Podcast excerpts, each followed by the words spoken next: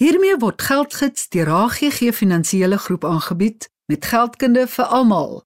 Besoek ons webwerf by hggroep.co.za. In ons program Geldgids wat deur HGG Finansiële Groep aangebied word, wandel ons al met die alfabet langs af en ons is nou amper by die einde van ons paadjie. Ons is vandag by die letter V. Ons paneelkundiges oor die spektrum heen wat vandag vir ons geldverwante begrippe onder die letter V toelig, is Michelle van die Kerk. Sy is verbonde aan HGG Finansiële Groep se welvaartsake eenheid met haar nisgebied as buitelandse geldtransaksies. Sy tree op as 'n konsultant en sy kan vir ons die begrip valuta verduidelik. Naas Michelle is Linda van Greuning. Sy is 'n direkteur van HGG Finansiële Groep se Trust Sake eenheid. Eduan Bason is verbonde aan HGG se Welvaartsake eenheid en Tiaan de Jong is 'n korttermynversekeringsmakelaar verbonde aan HI Brokers, 'n sake eenheid van HGG Finansiële Groep. Welkom, liewe kundiges. Michelle, ons hoor dikwels die woord valuta. Wat is valuta? Goeiemiddag Mariet en ons luisteraars. Is sommer net 'n interessante stukkie van valuta is dat dit is geleen uit die Italiaanse woord valuta. Dit beteken geldeenheid. So dit is jou geldeenheid in kontantwaarde, soos in 'n noot of in 'n munt. Dit is jou valuta wat jy kan gebruik byvoorbeeld as jy gaan reis as jy invoere doen, mm -hmm. goedere wat jy aankoop met valuta, jy betaal die persoon in sy land se geldeenheid. Se geldeenheid ja. ja. Soos byvoorbeeld jy voer in vanaf Duitsland en jy betaal hom in euros. So jy skakel jou rande om na euros toe want die persoon soek 'n euro waarde mm. as jy goed by hom aankoop. Michelle, vir ons wat byvoorbeeld nie 'n maatskappy besit nie, 'n nie handel dryf oor see nie, reisvlak is dit belangrik dat ons die valuta of die geldwaarde in ag neem en valuta is op so 'n manier in ons almal se lewens. Dis reg, maar gelukkig soos jy praat van die valuta beheer, die Reservebank het mos 'n hele boek vol reëls en een van daai reëls is sou jy besluit om te reis, kan jy 60 dae of voor die tyd kan jy jou valuta aankoop. So as die wisselkoers gunstig is, kan jy so lank begin aankoop in daai 60 dae so van jou vertrekdatum af. Michelle, wanneer jy soggens by jou kantoor by HGG Finansiële Groep se hoofkantoor instap, wat is 'n elke dag se taak wat jy uitvoer?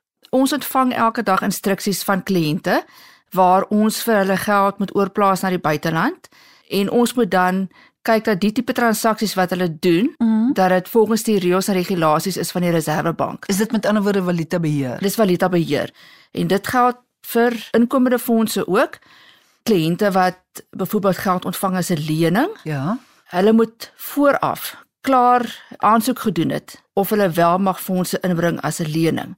Die Reservebank laat jou nie net toe as hulle nie bewus is daarvan en dat hulle dit nie goedgekeur het nie. En julle help kliënte in hierdie proses om ja. toestemming te kry met ander woorde. Ja, ons is hier tussenganger. En julle doen die oorbetalings en al die uitklaarwerke. Ja. Dis vaartbeleinde welvaart. Ja, Net so. Dankie. Michelle, sal jy navrae beantwoord in verband met valuta en wisselkoerse, forex? Ja, asseblief, nee, geen probleem. My e-posadres is michelle m i c h e l l e by hggroep.co.za. Dan jy's verbonde aan Helderberg Insurance Brokers wat 'n sakeeenheid is van HGG Finansiële Groep. HIB is 'n korttermynversekeraar in teenstelling met die welvaartsake eenheid wat 'n langtermynversekeraar is. Verduidelik asseblief die verskil tussen korttermyn en langtermynversekering. Mariet, 'n uh, langtermynversekering is waar 'n individu lewensdekking sou uitneem of ongeskiktheidsversekering. 'n Korttermynversekering is meer spesifiek op die persoonlike deel daarvan, is waar 'n individu sy persoonlike besittings kan verseker. Mhm. Mm Ehm um, dit sal wees sy gebou, sy inhoud, sy motor, uh, sekere alle risiko items soos juwele, uh, oorlosie. Dit is maar kortliks wat korttermynversekering bied en veral die persoonlike kant van korttermynversekering.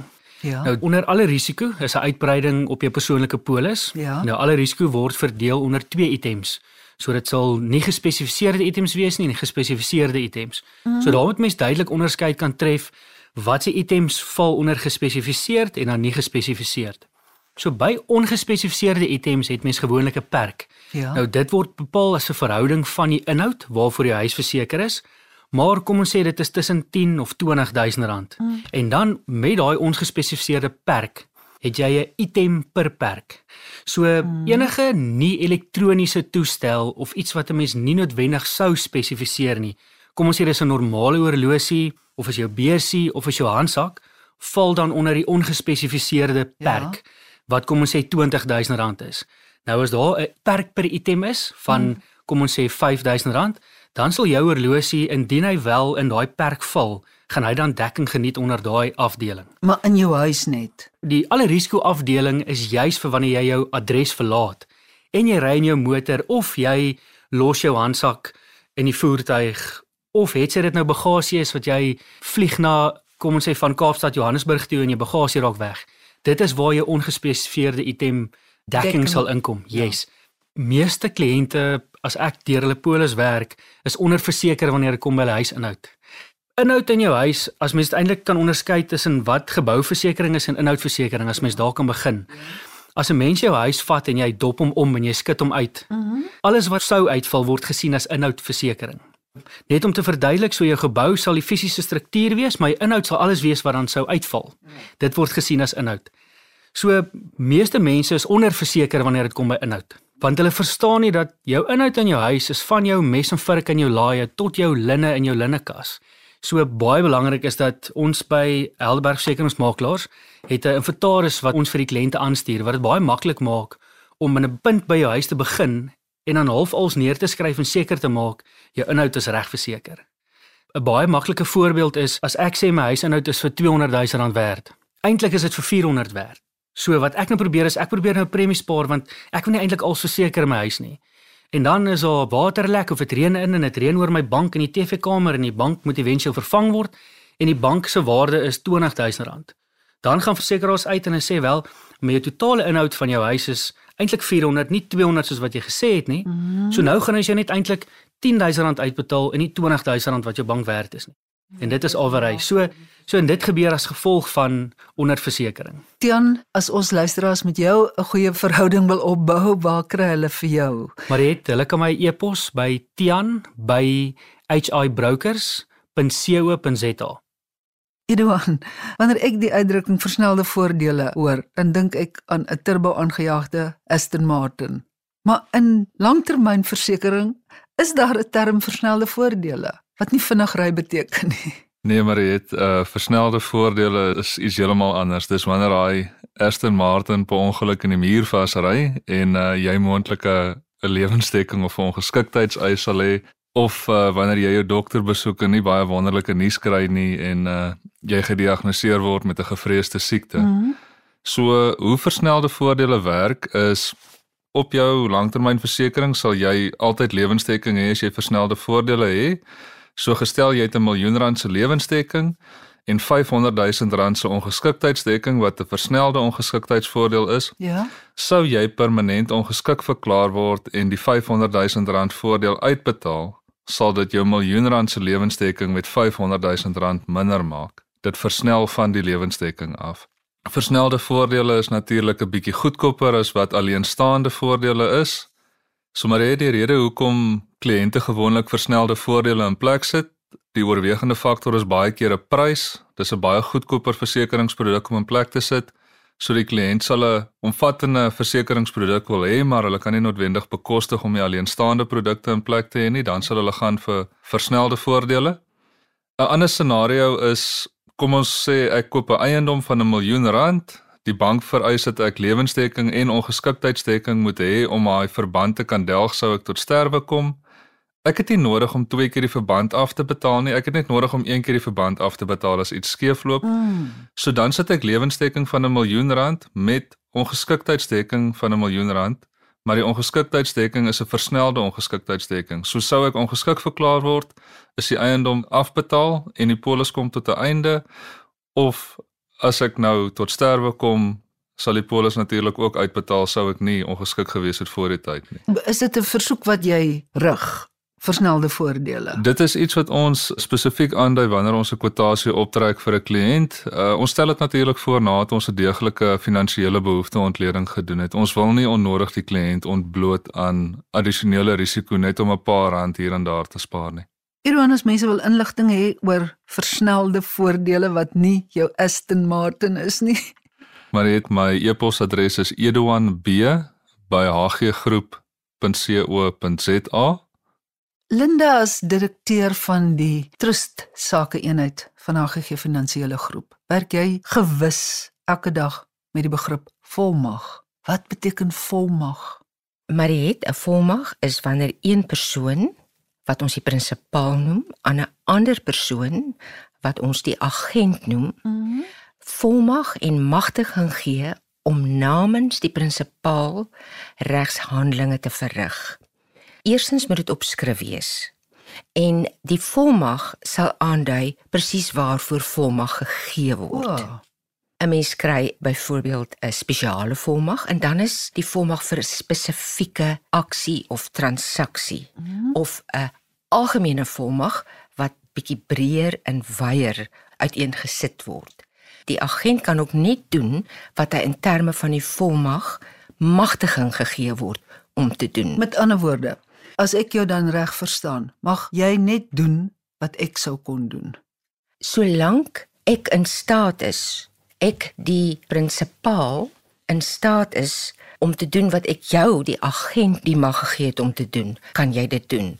Wanneer ek verstandelik Nie toerekeningsvatbaar Korrek. is nie. of wanneer ek sterf, beëindig daardie volmag. Dit gebeur ook dikwels dat lank na 'n uh, prinsipaal wat gewoonlik die ouer is van 'n kind met demensie of Alzheimer gediagnoseer is, gaan hulle aan met daai volmag asof dit nog geldig is. Maar ek moet baie sê, Mhm. mense is onkundig. Hulle dink dit geld vir ewig. Linda, dit klink vir my asof volmag nie so volmag is nie. En dat dit ook nie voortdurend is en ewig is en sonder verstrykdatum is nie. Kan ons luisteraars met jou kom volle inligting kry oor volmag asseblief? Enige tyd. Wil jy nie jou e-posadres asseblief vir ons gee nie? Dit is Linda by hggroep.co.za. Baie dankie. By gebrek aan geldverwante terme in ons Afrikaanse alfabet onder die letters K, X, Y en Z, gaan ons vraag en antwoord programme hê. Ek nooi hartlik ons luisteraars om solank navrae te stuur na die genoemde adres info@hggroep.co.za oor enige onderwerp al val dit onder watter letter van die alfabet ook al ons gaan antwoorde gee. Geldgids word geborg deur HGG Finansiële Groep. Kontak ons gerus by info@hggroep.co.za of 021 851 2778. Dit maak nie saak hoe oud jy is nie. Die HGG Finansiële Groep stap die pad saam met jou. As jy meer as die alledaagse verwag vir advies oor omvattende finansiële behoeftes, lewer ons diens wat jou pas. Ons bied innoverende en toekomsgerigte finansiële dienste met die klem op persoonlike kontak. Dis die verhouding tussen ons en jou wat tel. Kontak jou naaste kantoor vandag nog om uit te vind hoe jy die voordele van 'n HGG leefstyl kan geniet. HGG Welvaart is 'n gemagtigde finansiële dienste verskaffer.